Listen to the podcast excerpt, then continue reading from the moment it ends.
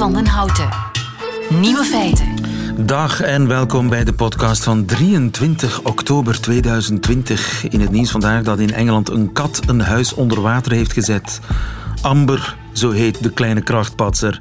Die heeft namelijk uit zichzelf geleerd hoe ze de kraan moet opendraaien.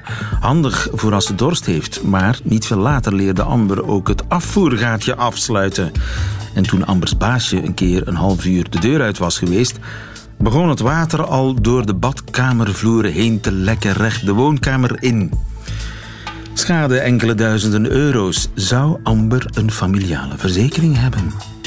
De andere nieuwe feiten. Binnen het kwartier weten of je besmet bent of niet. Het kan in Nederland, met name in snelteststraten. Sander van Horen, de NOS-man in Brussel, ziet hoe in België de virologen een andere rol spelen dan in Nederland. Michiel Vos keek naar het laatste tv-debat tussen Biden en Trump. En wildplassers op betere gedachten brengen, dat kan met nudging. De nieuwe feiten van Otto Jan Ham hoort u in zijn middagjournaal. Veel plezier. Radio 1. Nieuwe feiten. We gaan naar 20.000 besmettingen per dag, hoorde ik het net in het nieuws van 12 uur zeggen. Dat is veel. Nu, in Nederland hebben ze een oplossing die bij ons nog niet bestaat, namelijk binnen het kwartier weten of je besmet bent of niet. En je kan dat doen, je kan die sneltest laten afnemen in snelteststraten. Jelmer Jansma, goedemiddag. Goedemiddag. Jelmer, jij bent verslaggever bij Nieuwsuur, NPO, televisie, Ja. nieuws in Nederland. En je bent op reportage gegaan gisteren. Want er komen binnenkort zeven gratis snelteststraten in Nederland, naast de al bestaande commerciële snelteststraten. Ja. Ja, dat klopt. Ehm, nou ja, bij ons eh, kan je nu op dit moment laten testen door de overheid. Hè, bij de GGD noemen we dat. Maar Dat zijn de gemeentelijke gezondheidsdiensten. Dat is de PCR-test. Dat is de test zoals wij die bij de Ja. dokter laten doen. Exact. Eh, maar daar komt nu iets bij. Ehm, er komen zeven grote testlocaties in Nederland. waar je dus inderdaad heel snel je kan laten testen. Ook gratis. Met ook, nou, dat, we hebben dat nog niet bevestigd gekregen, maar die, die kans, ja, dat, dat lijkt heel waarschijnlijk dat het inderdaad ook gratis is. Ehm, en eh, ja, de bedoeling is dat dus iedereen zich eigenlijk eh, op een hele snelle en makkelijke manier eh, kan laten testen. Dat lijkt mij logistiek een enorme operatie om zeven van die snelteststraten rap in elkaar te zetten. Waar komt het personeel vandaan? Ja, eh, het leger gaat daarbij eh, eh, helpen. Dus wat we nu begrijpen is dat er ongeveer duizend militairen betrokken zullen zijn bij het opzetten van die teststraten en ook het bemensen van die teststraten. En ook dat daar grote uitzendbureaus bij betrokken zullen zijn. En mag iedereen zich daar zomaar aanbieden en zeggen: Ik wil even snel een coronatest? Ja, de, de specifieke eisen daarvoor die zijn dus eh, ja, die zijn nog niet helemaal bekend. Eh, wat je je kan voorstellen is dat mensen bijvoorbeeld met een vitaal beroep eh, dat die voorrang zullen krijgen. Eh, het is nu zo hier in Nederland dat eh, bijvoorbeeld de politie nog geen voorrang krijgt bij een coronatest. Terwijl ja, de personeelstekorten zijn groot daar. Dus je zou je kunnen voorstellen dat mensen met vitale beroepen, dus inderdaad zoals de politie, maar ook het onderwijs en de zorg, dat die daar als eerste terecht kunnen. Maar dat weten we dus nog niet. Ja, en dat kan eventueel opgeschaald worden als er meer teststraten komen of meer sneltests beschikbaar zijn. Dan zou het bijvoorbeeld kunnen zijn dat iedereen die naar een feestje moet bijvoorbeeld of naar een optreden eh, daar terecht kan. Die testen, je weet na een half uur ongeveer, of een kwartier zelfs in sommige gevallen, je resultaat. Ja, eh, er worden drie soorten tests eh, ingezet, is nu het idee. Dat zal de sneltest zijn. Dat is een soort zwangerschapstest. Daar weet je eigenlijk dus binnen een kwartier of je besmet bent of Dan niet. moet er nog een Eh, wisser er in je neus, hè? Jazeker, ja, dat, dat, dat, dat zal zeker nog moeten. Eh, maar er zijn ook eh, twee Nederlandse uitvindingen die daar eh, zullen worden ingezet. Eh, dat is een, een, een, ja, een variant op de PCR-test, die is heel betrouwbaar. Eh, en daarbij weet je eigenlijk binnen een uur eh, de uitslag. Eh, maar er zal ook een blaastest eh, worden ingezet. Een beetje Eh, zo- eh, zoals een alcoholtest. Exact, ja, exact. En dat, dat, is een elektronische neus eigenlijk, de e-nose wordt die genoemd. en die kan ja, eigenlijk heel snel, al binnen een paar minuten, ja, weet je dan of je negatief of positief bent. En als, het is wel even goed om erbij te zeggen, dat is eigenlijk dus een eerste soort controle, die, al die drie snelle tests. En daarna, als je dan positief bent, wordt, wordt dat nog gecheckt, is de bedoeling met zo'n PCR-test. Dus als je positief bent, word je recht naar de gemeentelijke gezondheidsdienst gestuurd, waar je de echte PCR-test, de klassieke PCR-test, die wij ook kennen, uh, moet ondergaan. Nu, hoe betrouwbaar zijn die testen, die blaastest bijvoorbeeld? Het lijkt hocus pocus, even blazen, even wachten, corona positief of negatief. Ja, de, dat, dat zou je inderdaad zeggen. Het, is vrij magisch. Maar um, wat ik er tot nu toe van weet, is dat die test ook inderdaad heel erg betrouwbaar is. Dus die kan echt. Ze zijn officieel gevalideerd. Uh, ja, dat, nou, bij, die, bij die blaastest wordt daar nog uh, naar gekeken. Dat is nog niet, die is nog niet helemaal, uh, dat is niet helemaal uitontwikkeld. Maar wat we er nu van begrijpen is dat je wel echt met 100% kan zeggen of iemand negatief is. En dan als iemand positief is, dan wordt er dus nog gecheckt met zo'n PCR-test. Oké, dus er zijn weinig valse negatieven, er zijn misschien een paar valse mm positieve. Goed, daarnaast zijn er, want dat is de overheid die dit organiseert met de hulp van het leger. Daarnaast zijn er ook handige commerciële jongens al begonnen. Ik ik uh, zag ergens iets over een, een bedrijf, een, een privékliniek die zich specialiseert in liposucties. Ja. Die is, heeft zichzelf nu omgeturnd tot de snelteststraat. Ja, je ziet, dat, je ziet dat heel veel eigenlijk de laatste maanden al. Um, dat zijn bedrijven, uh, inderdaad, dit, dit ging om een, een bedrijf wat liposuctie doet. Uh, maar wat je veel ziet is uh, ondernemers die samen met een, een medisch geschoold iemand zo'n teststraat opzetten. Uh, en nu uh, we in Nederland die sneltests hebben, uh, dus die, eigenlijk die zwangerschapstest, um, is dat ook eigenlijk heel makkelijk te doen. Je kan eigenlijk zonder veel gedoe kan je zo'n teststraat kan je beginnen. ik was gisteren bij, inderdaad bij een ondernemer die, die liposucties doet, maar ook een, een, bedrijf wat al in de zorg werkt. Die is enorm aan het uitbreiden. Die wil echt over een paar weken landelijke dekking hebben. Landelijke met, dekking? Ja, die snelteststraten, ja. ja. Om, op elke hoek een uh, partytent met snelteststraten. Nou, het, het, het, begint er een beetje op te lijken. Ik bedoel, als je hier op internet kijkt, uh, je kan je eigenlijk overal uh, voor een bedrag uh, kan je laten testen. Welk bedrag be ongeveer? Ja, nou, dat varieert. Het, het, begint eigenlijk al bij 50 euro. maar dan is ja, niet gegarandeerd dat je een, een, een, een legitiem, legitieme test krijgt. Uh, de, de, de, bedragen variëren eigenlijk uh, tussen de 50, maar ook 225 euro. Uh, bijvoorbeeld okay. bij deze liposuctiekliniek. 225 euro versus 50 ja. euro, dat is een groot verschil. Ja. Wat verklaart dat verschil? Uh, nou, um, kijk, veel bedrijven, we, we, hebben een hele ronde gebeld, een aantal dagen. De meeste bedrijven die lijken uh, dat op een goede manier te doen. Dus uh, die gebruiken goede testen door medisch geschoold personeel. Dat kost maar natuurlijk. De inspectie, dat kost natuurlijk, maar de, de, inspectie zegt ook er zijn uh, rotte appels tussen die voor een paar tientjes een test aanbieden, maar dan uh, krijg je bijvoorbeeld een niet gevalideerde test ja, uh, die de, uitgevoerd wordt door mensen die dat, die dat eigenlijk niet zouden ja, mogen doen. In dat geval is de remedie erger dan de kwaal natuurlijk, want een onbetrouwbare test geeft een vals gevoel van veiligheid. Dus daar, ja. moet nog, daar is nog werk aan, aan de controle, zeg maar, aan de regeling, dat dat allemaal perfect verloopt. Maar dat klinkt goed, het klinkt als een gamechanger, want op die manier kunnen bedrijven en scholen langer open blijven denk ik dan, als, ja. er, als er massaal getest wordt. Ja, wij willen hier uh, ten koste van alles weer een, uh, een, een, totale lockdown uh, vermijden. En het testen ja, op, op deze manier grootschalig, laagdrempelig, dat wordt echt gezien als een, hele belangrijke, een heel belangrijk middel om dat te kunnen doen.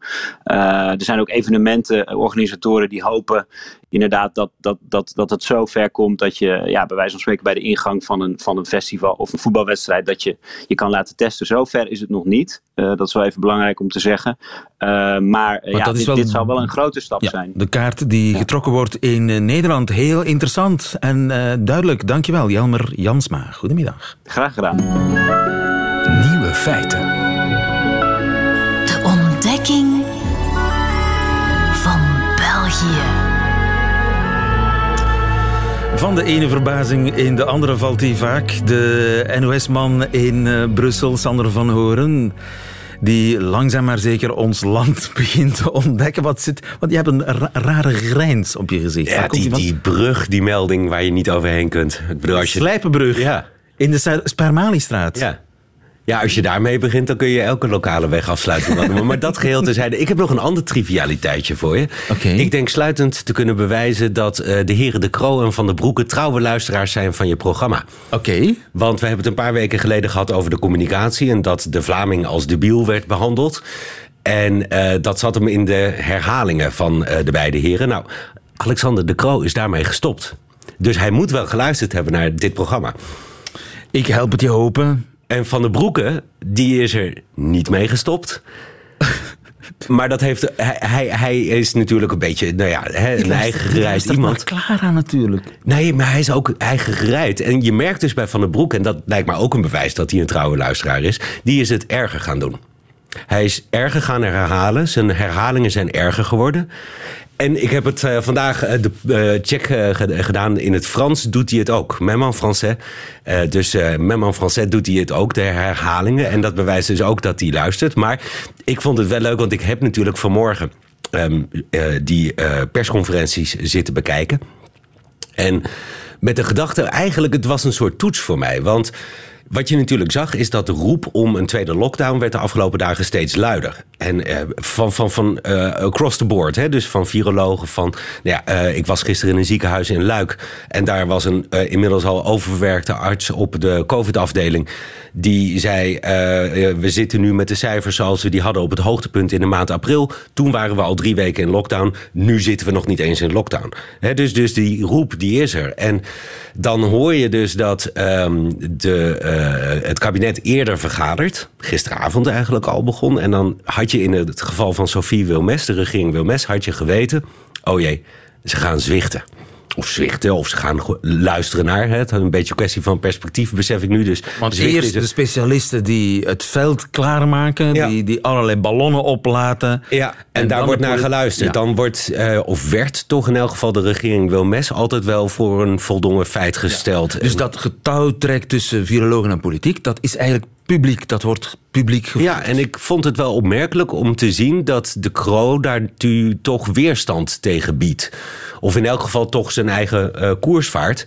En uh, ook wel leuk om te zien dat virologen volgens mij ook wel uh, uh, zo'n duidelijkheid prettig vinden. Want het viel me op vanmorgen in de studio bij jullie op de televisie, Mark van Ranst, die meteen ook zei van ja, geef het ze maar te doen, die politici. Je, het, is nooit goed of het deugt niet, was eigenlijk wat hij min of meer letterlijk zei. En zo'n begrip, dat had je eigenlijk bij een wijfelende koers denk ik wat minder gehad. Dan, dan is het veel meer het halen van het eigen gelijk vooraf, maar zeker ook achteraf. En dit is dus eigenlijk een pleidooi. En dat, dat zie ik nu een beetje bij Alexander de Croo voor een rechte rug. Ik Ja, denk ja. dat die duidelijkheid. Hè, we hebben het er vorige week eigenlijk ook al Dus over de, gehad. de, de virologen doen minder aan politiek dan Nee, vroeger. dus er wordt minder eh, naar geluisterd. Ja. Of dat we zeggen wel naar virologen geluisterd, maar minder naar het vooraf proberen te beïnvloeden van een kabinetsbesluit. Omdat, het, omdat dat werkt. En dat kan een wisselwerking zijn. dat Hè? Want als je merkt dat het zin heeft, of als je merkt dat een viroloog met een ander standpunt of een econoom met een ander standpunt eh, eh, probeert de besluiten te beïnvloeden, ja, dan ben je gek als je dat zelf niet ook doet. Heb je dat in Nederland minder gezien? Dat die virologen, bij wijze van spreken, het pad naar een beslissing proberen te effenen op de televisie? Nou, eh, ja, dat sowieso. Maar Minder, minder We gezien. hebben het er ook al over gehad dat eh, eh, deskundigen, virologen, hier een enorm platform krijgen. Of toch misschien meer aan Vlaamse kant. Want ik zag hè, vanmorgen inderdaad Mark van Ranst de duiding doen op de televisie na de persconferentie. Ben gezet naar de Franstaligen. En daar hadden ze een heel panel en er werd er veel meer gedebatteerd over. En dat platform, dat hebben dus de eh, virologen hier in Nederland, hebben ze dat veel minder. Of nemen ze dat Daar veel treden minder. de politici veel meer op de voorgrond. Maar ook anderen. En we, het het is iets waarvan ik nou niet weet of dat een zegen of een last is. In Nederland heb je natuurlijk die praatprogramma's waarbij het gezellig is. Als er zoveel mogelijk verschillende mensen aan tafel zitten. En die mogen dan ook overal wat over vinden. Dus op het moment dat een, eh, eh, Nederlandse viroloog bij Op1 of bij Jinek aan tafel zit, dan zit daar ook een zanger bij. Dan zit er een burgemeester bij. Dan zit er iemand bij die een nieuw televisieprogramma heeft gemaakt. En die mag ook allemaal zijn licht laten schijnen. En het gevaar is dat je in Nederland, en daar heb ik het ook al eerder over gehad, ik vind dat normaal gesproken heel storend dat die meningen gelijk geschakeld dreigen te worden. Dus dat Niels de Stadsbader ongeveer hetzelfde gewicht zou hebben als een Mark van Ranst. Nou, dat wil je natuurlijk niet. Alleen voor het debat is het natuurlijk wel goed.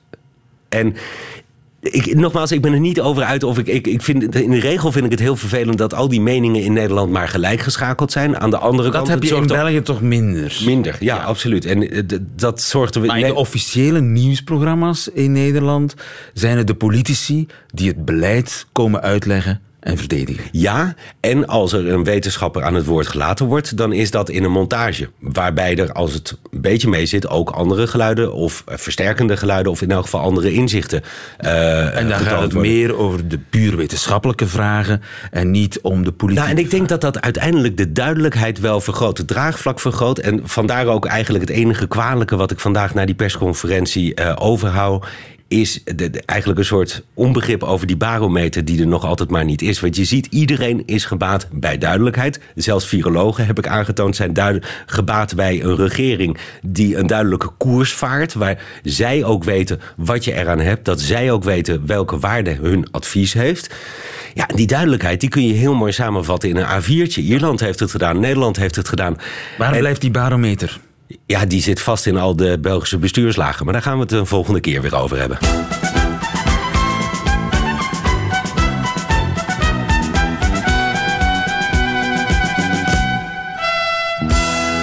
Examen Vlaams. Ik heb eigenlijk twee mogelijkheden in het examen Vlaams, Sander. Ja. Ik, ik- we kunnen een klassiek examen Vlaams doen, met allerlei woorden die jij verklaart en Ja. uitdrukking eventueel.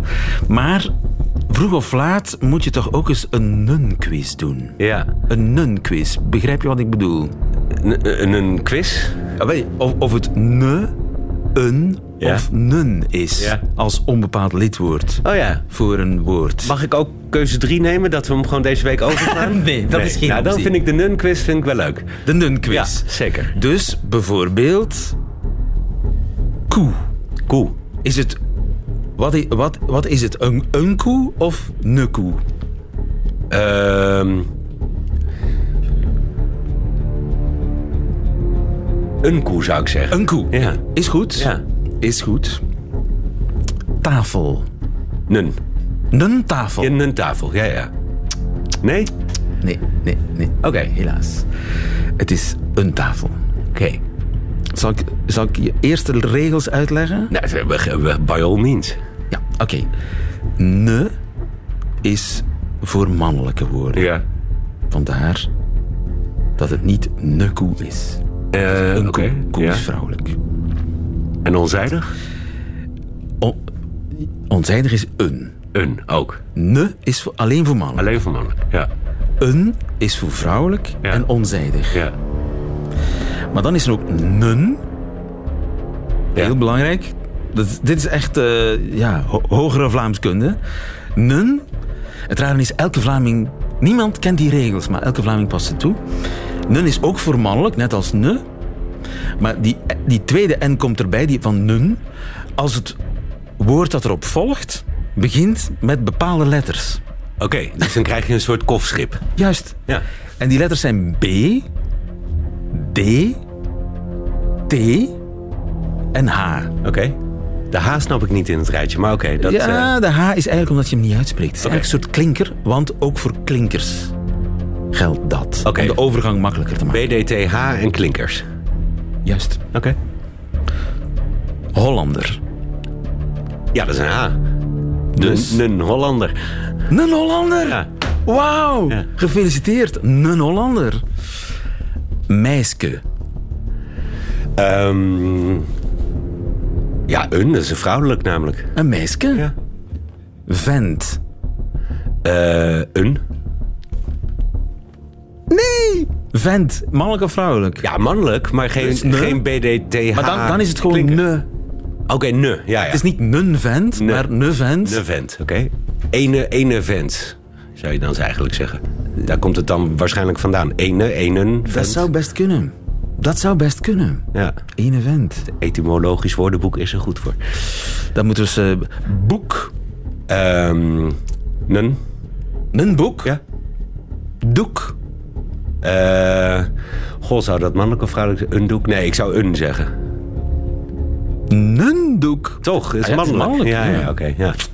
Vandaar dat de Vlamingen geslachtsgevoeliger zijn dan de Nederlanders. ja.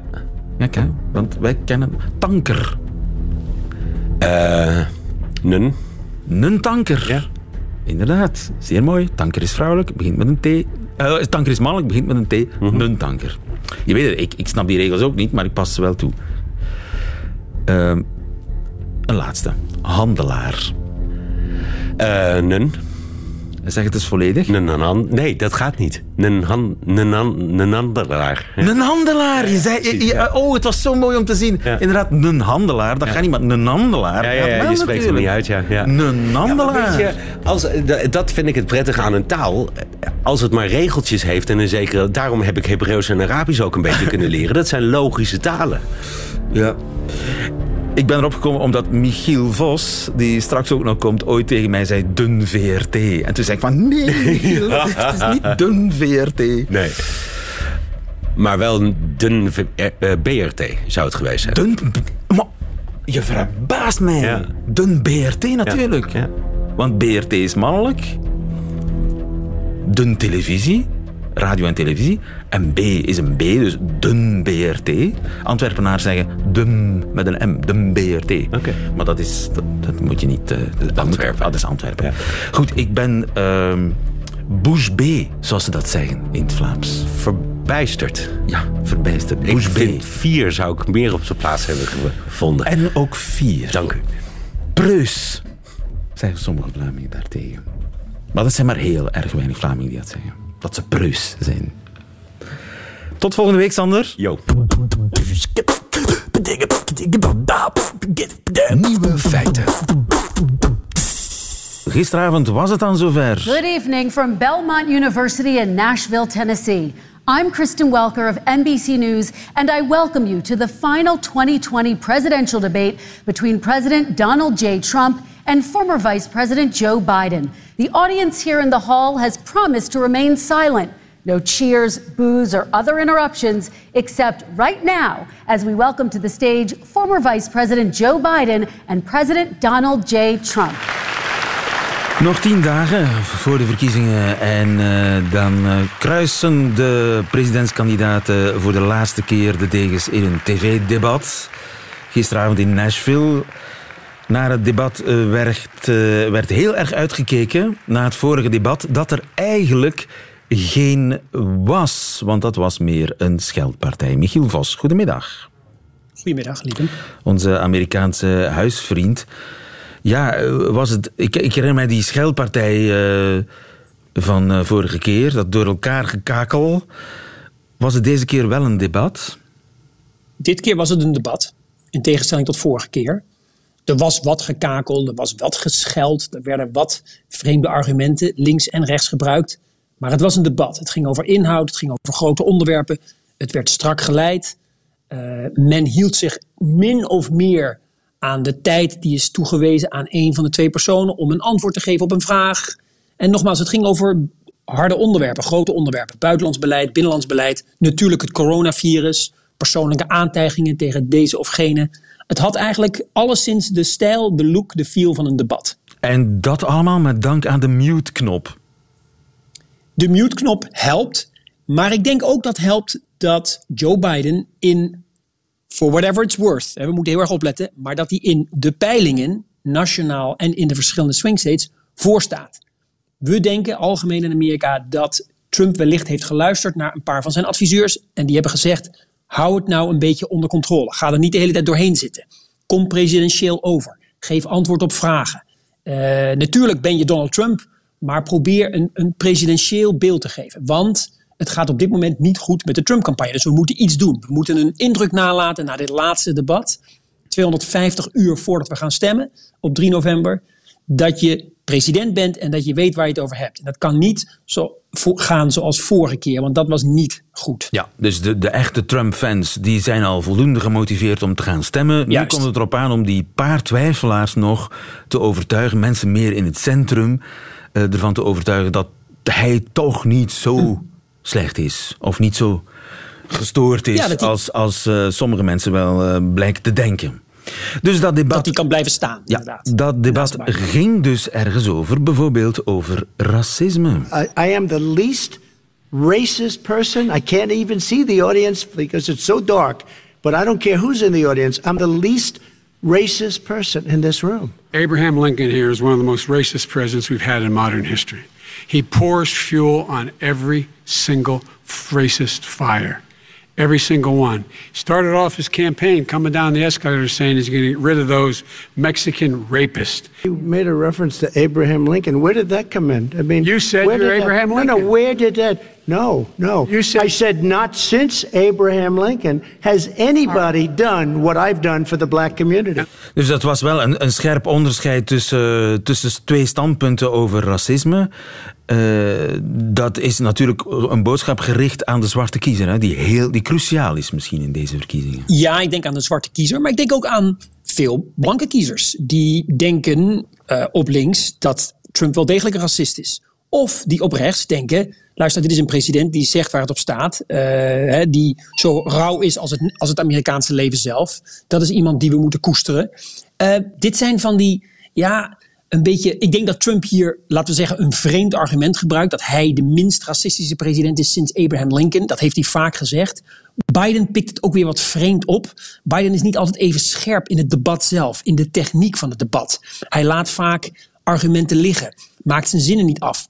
Maar hetzelfde kan worden gezegd als ik kijk naar Donald Trump, die ook gedachten springt, die eh, springen van onderwerp naar onderwerp, die halve zinnen afmaakt, die eh, het ergens oppikt waar hij het een minuut geleden heeft laten liggen. Het is allemaal wat moeilijk om te volgen. Het zijn geen topdebaters, beide niet. Oké, ook over COVID-19 ging het uiteraard gisteren. He's, this is the same fellow who told you this is going to end by Easter last time. This is the same fellow who told you that, don't worry, we're going to end this by the summer. We're about to go into a dark winter, a dark winter. And he has no clear plan, and there's no prospect that there's going to be a vaccine available for the majority of the American people before the middle of next year. We're learning to live with it. We have no choice. We can't lock ourselves up in a basement like Joe does. He has the he has the ability to lock himself up. I don't know. He's obviously made a lot of money someplace, but he has this thing about living in a basement. People can't do that. By the way, I as the president couldn't do that. I'd love to put myself in the basement or in a beautiful room in the White House and go away for a year and a half until it disappears. I can't do that. Ja, echt argumenten die hout snijden heeft hij niet, hè? Nee, hij voert een beetje campagne Trump als een uitdager en niet als een zittend president. Dat is zijn stijl. Hij haalt er van alles bij. Hij springt van de hak op de tak. Hij zegt dat Biden in een kelder zit. Dat is natuurlijk voor een deel juist. Biden voert heel weinig campagne, omdat hij heel veel geld heeft verdiend. eh, en dan weten we niet waar dat vandaan komt. Er is ook het idee dat als je kijkt naar Trumps debate performance, dat hij heel diep zit in de complottheorieën die op rechts welig tieren over Biden zelf, over Bidens zoon Hunter, over hun connecties al dan niet met eh, de Oekraïne, met bedrijven daar. Het is de vraag of je daar een debat aan wil weggeven, als het ware. In plaats van dat je een debat wil weggeven als zittend president aan onderwerpen die misschien wat minder sexy zijn, maar die veel belangrijker zijn voor de gemiddelde kiezer. Voor die middenkiezer waar we het net over hadden, die wellicht nog moet worden overtuigd om daadwerkelijk op Trump te gaan stemmen. Ja, dat was dus kennelijk de bedoeling van eh, Donald Trump. Kunnen we een duidelijke winnaar aanduiden van dit laatste debat voor de verkiezingen over een dag of tien? Ik denk het niet. Ik denk dat Biden geen echte fout heeft gemaakt. Ik denk dat Trump niet echt een klap heeft kunnen uitdelen. Ik zou zeggen, als Biden blijft staan, is dat in zijn voordeel, omdat hij nou eenmaal voor ligt in die peilingen, waar we dus heel voorzichtig mee moeten zijn. En ik denk dat Trump meer nodig heeft dan een goede debate performance. Het was niet slecht.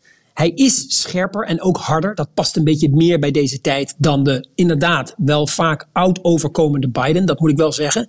En eh, dus het is de vraag of dit iets verandert. Het is de vraag of überhaupt nog iets kan veranderen. Want het is tien dagen. Amerikanen zitten al sinds de zomer eigenlijk in een chaos aan nieuwsbrei die elke dag over ze wordt heen gestort. Ik vraag me af of er nog heel veel mensen hun mening veranderen. Er is ook al ruimschoots gestemd. Hè. Er wordt al meer dan 40 miljoen is er al stemmen zijn al uitgebracht. Dus Dat je kunt je afvragen hè? wat dit allemaal nog helpt. We zullen zien. 3 november is het zover. Dan gaan eh, de Amerikanen eh, met z'n allen, naar de, tenminste die nog niet gestemd hebben, nog naar de Juist. stembus. Dankjewel Michiel Vos. Goedemiddag. Geen dank. Wim van den Houten. Nieuwe feiten. Maar de helft van de dag is uh, Matthias, Matthias Celis, die een onoplosbaar probleem eindelijk heeft opgelost. Dag Matthias. Hey, dag lieve. Matthias, jij bent psycholoog. Klopt. PhD-student, onderzoeker moet ik eigenlijk zeggen, ja. aan de Universiteit van Gent. Over welk probleem hebben we het? Wel, we hebben het over eigenlijk een beetje een taboe-probleem. Wildplassen. Um, dat is iets waar we jammer genoeg niet zoveel over horen, maar toch wel een sterk aanwezig probleem in onze maatschappij. En onoplosbaar, hè? Zeker wel.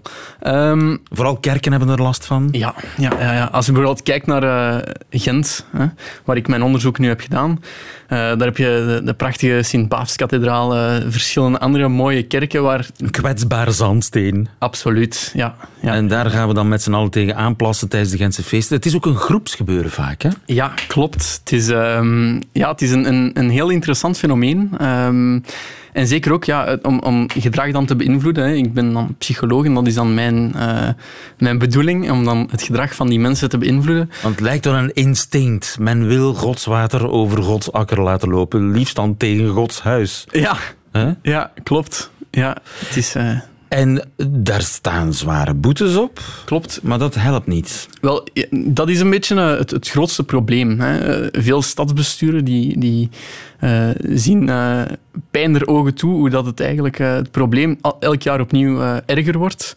En de boetes worden dan hoger, van 60, en 60 euro is het gemiddeld in Vlaanderen. En ze zetten dan van die extra urinoirs. Mm -hmm. die, ja. Dat helpt kennelijk ook niet. Ja, wel, het, ja, het, het, is een beetje een samenloop van omstandigheden. Um, een gebrek aan voorzieningen is enerzijds uh, natuurlijk een van de oorzaken van het probleem. Uh, maar anderzijds ook gewoon, ja, het, het, als iemand ook al in een uitgaansbuurt bijvoorbeeld een, een glaasje op heeft, uh, die denkt al iets minder helder na en die denkt gewoon, mijn blaas moet leeg en zo snel mogelijk. Ja. Dus, um... Nu, jij hebt een experiment gedaan met nudging. Yes. Wat is nudging? Wel, nudging is eigenlijk een van de uh, meest succesvolle gereedschappen uit de toolbox van de gedragseconomicus. Nu, gedragseconomie is eigenlijk een uh, redelijk jonge uh, aftakking van de psychologie. En um, een gedragseconomicus die gaat eigenlijk proberen aan de hand van subtiele aanpassingen in de omgeving het gedrag van mensen te sturen naar de gewenste kant, zonder daarbij eigenlijk de keuzemogelijkheden in te perken. Dus die mensen hebben niet eens uh, door dat ze in een bepaalde richting genudged worden. Klopt, klopt. Het, het, woord dat je dan gebruikt, nudging, inderdaad, dat is dan effectief dat subtiel... Uh, duwtje. Het, het, het klein duwtje in de goede richting uh, geven. Maar natuurlijk, het is... Um, een, een, kernaspect van heel het nudging is dat je nog altijd de vrije keuze behoudt. Maar hoe ga je een kandidaat plasser, wildplasser, nudgen? Wel, we hebben daar eigenlijk um, heel goed over moeten nadenken, want uh, zo'n nudging, dat is ook niet iets dat je ergens in een studie leest en dan gewoon simpel copy-paste uh, ergens anders gaat toepassen. Daar is best wel wat maatwerk dat erbij aan de pas komt. Um, maar je hebt we... echt een experiment gedaan. Je hebt het ja, echt toegepast. Ja, ja, je hebt echt gekeken wat werkt. We hebben, we, hebben, we hebben echt vier camera's geplaatst in een uitgaansbuurt in Gent. En we hebben over een periode van acht weken eigenlijk uh, verschillende condities getest en een beetje gaan experimenteren van oké, okay, wat werkt er nu en wat werkt niet. die borden die klassiek gebruikt worden. Hè. Een boete voor wildplassen is zoveel euro. Dat werkt niet. Uh, dat hebben we ook experimenteel nu getest en aangetoond. Wat werkt wel? Wel, um, er zijn eigenlijk verschillende dingen. We hebben, we hebben geëxperimenteerd met voetjes die naar een openbaar toilet leiden. Um, om zo eigenlijk... Uh, het juiste pad al te tonen. En anderzijds hebben we ook gewerkt met pijlen, waarin een tijdsaanduiding staat met uh, wc uh, 30 seconden bijvoorbeeld. Wc 30 seconden? Ja, dat en dan echt, voetjes. Dus je moet je inbeelden, je bent een beetje um, beschonken, ja? een beetje in de wind. Je komt uit een café en nog voordat je eigenlijk beseft dat je moet plassen, zie je er een pijl op de grond staan aan de uitgang van een café. Dat zegt wc links, wc rechts, 30 seconden, 10 seconden. En zo voor... simpel kan het zijn. Zo simpel kan het zijn. Het is eigenlijk de kunst om de aandacht op de juiste moment te grijpen en lang genoeg vast te houden. En zo eigenlijk het gedrag te sturen. Uh, onze, onze beslissingen worden voor een heel groot deel uh, onbewust gemaakt. En dan is het de kunst om daarop in te spelen. En zijn er zo nog dingen? Oh, er zijn oneindig veel dingen. Het, het, het is Wat is bijna... het leukste? Want de tijd begint te dringen. Ja. Het is, het is, uh, zeer leuk ehm, om te zien wat er eigenlijk allemaal mogelijk is met nudging. Vandaag in, in, onze samenleving is het bijna niet meer weg te denken. Het is overal aanwezig. Uh, IKEA doet het ook. Denk maar aan de pijlen die daar uh, in hun doolhof staan. Ikea, de koningen van de nudging natuurlijk. Bijvoorbeeld, ja. Ja, en je hebt ook van die posters. Eén boete is tien pinten. Ja, is dat, Ben jij dat ook? Wel, we hebben mee um, aan, aan, het ontwerp van die uh, posters ons adviezen gegeven. Um, u ziet nu natuurlijk bijvoorbeeld een heel mooi voorbeeld dat je aanhaalt. In Brugge hebben ze het uh, toegepast op, uh, op de coronamaatregelen. knuffelboete is zoveel pintjes. Dat is natuurlijk zeker nu dat de horeca dicht is een beetje in het verkeerde keelgat geschoten om maar aan te tonen dat het niet op elke situatie altijd van toepassing is of altijd perfect werkt. Ja, dus, dus pijlen en voetjes en sensibilisatieborden. Het schijnt, het schijnt echt helemaal te werken. Ja. Veel succes met je, je scriptie en met je doctoraat. Dankjewel, uh, Matthias Celis. Goedemiddag. Ja, bedankt. Radio 1. Nieuwe feiten. Dat waren de nieuwe feiten van 23 oktober 2020. Alleen nog die van Otto Jan Ham krijgt u in zijn middagjournaal. Nieuwe feiten. Middagjournaal. Het is alweer vrijdag, mijn laatste middagjournaal. En ik heb het nog niet eens gehad over mijn jongste dochter. Die is nieuw en had ik nog niet toen ik de vorige keer voor jullie mocht voordragen. Ze is vijf maanden oud en ze heet Gloria. Mijn vriendin heeft alweer de naam gekozen. Ik wou haar erg graag Kees noemen, naar mijn oom Kees, op wie ik erg gesteld ben. En ook een beetje naar Kees Flodder, het sekssymbool uit de jaren tachtig, gespeeld door Tatjana Simic. U weet wel van, buurman, wat doet u nou? Mijn lief ging in principe akkoord met de naam Kees, maar dan zou ze mij wel verlaten, de kinderen met zich meenemen en de naam bij de eerste beste gelegenheid laten veranderen in Gloria. Mijn vriendin kan zeer inschikkelijk zijn. Zij denkt dat als je je kind Kees Ham noemt, dat dat dan een heel leven lang gepest gaat worden. En dat klopt wel. Iemand die is opgegroeid met de naam Otto Jan Ham zou zoiets moeten weten. Gloria is geboren tijdens de eerste lockdown, vindt 2020 tot nu toe prima verlopen en is de reden dat ik nu al elke ochtend om half zes wakker genoeg ben om aan deze middagjournaals te tikken. Ze slaapt als een baby. Dat wil zeggen dat ze de hele tijd ligt te schoppen, te reutelen en te gorgelen als een woeste ork met een kopvalling. Die verkoudheid kan aan mij liggen, want ik heb een paar dagen geleden met haar een ritje in de bakfiets gemaakt en wellicht had ik haar wat beter moeten induffelen. Inderdaad, een bakfiets heb ik sinds kort ook, een elektrische dan nog. Er bestaat geen efficiëntere manier om jezelf seksueel buitenspel te zetten, maar het rijdt wel lekker. Het is sneller dan met de vervuilende auto en de bak biedt plaats aan drie kinderen en als iedereen een beetje rechtop gaat zitten, past je moreel superioriteitsgevoel er ook wel bij. Ik ga me trouwens niet schamen voor mijn bakfiets, oh nee. Ik weet dat er hard gewerkt wordt om de goodmensch in een slecht daglicht te stellen, bijvoorbeeld door ze stevast de goodmensch te noemen, maar ik weiger mijn nobele bedoelingen met deze wereld en haar bewoners op te bergen. Ik zie het als mijn plicht als vader om weerstand te bieden tegen dit georchestreerd cynisme. Nu meer dan ooit, want het gaat niet zo best met ons. Laatst zag ik op Canvas een documentaire over de fluithaas. Een geestig diertje dat lijkt op een konijn, maar dan met korte oren. De fluithaas blijkt door de klimaatsverandering ijzona uitgestorven. Het is slechts een kwestie van tijd. Daar ga ik slecht op, op dat soort nieuws. Tot voor het zien van de documentaire over de fluithaas wist ik niet eens af van het bestaan van de fluithaas. En nu was ik al zo gehecht geraakt aan de fluithaas dat ik hevig geëmotioneerd werd bij de gedachte aan het weldra uitsterven van de fluithaas. Toch niet de fluithaas. Het beest doet geen vlieg kwaad, het plantjes en zaden en soms zijn eigen ontlasting omdat daar nog voedingsstoffen in zitten. En kom aan, het heeft de beste naam die een dier kan hebben: een fluithaas. Ik hoop dat ze die naam tenminste doorschuiven naar een andere diersoort. Er komen vast dieren bij die beter bestand zijn tegen de nieuwe leefomstandigheden. En het zou goed zijn als we die fluithazen gaan noemen. Er is, als je daarover nadenkt, erg weinig verschil tussen de mens en de fluithaas. Wij zitten uiteraard wat complexer en geavanceerder in elkaar, maar uitsterven ligt ook bij ons op de loer. We kunnen niet overal mee wegkomen. Karma komt op poezenvoetjes.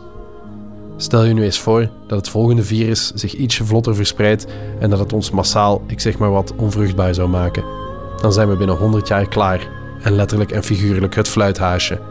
Ik vind dat gek genoeg een mooie gedachte. Wat ik trouwens ook vind, fluithaasham, dat is pas een goede naam. Mocht ik onverhoeds nog een kind krijgen, Dan houd ik mijn been stijf. Thank you.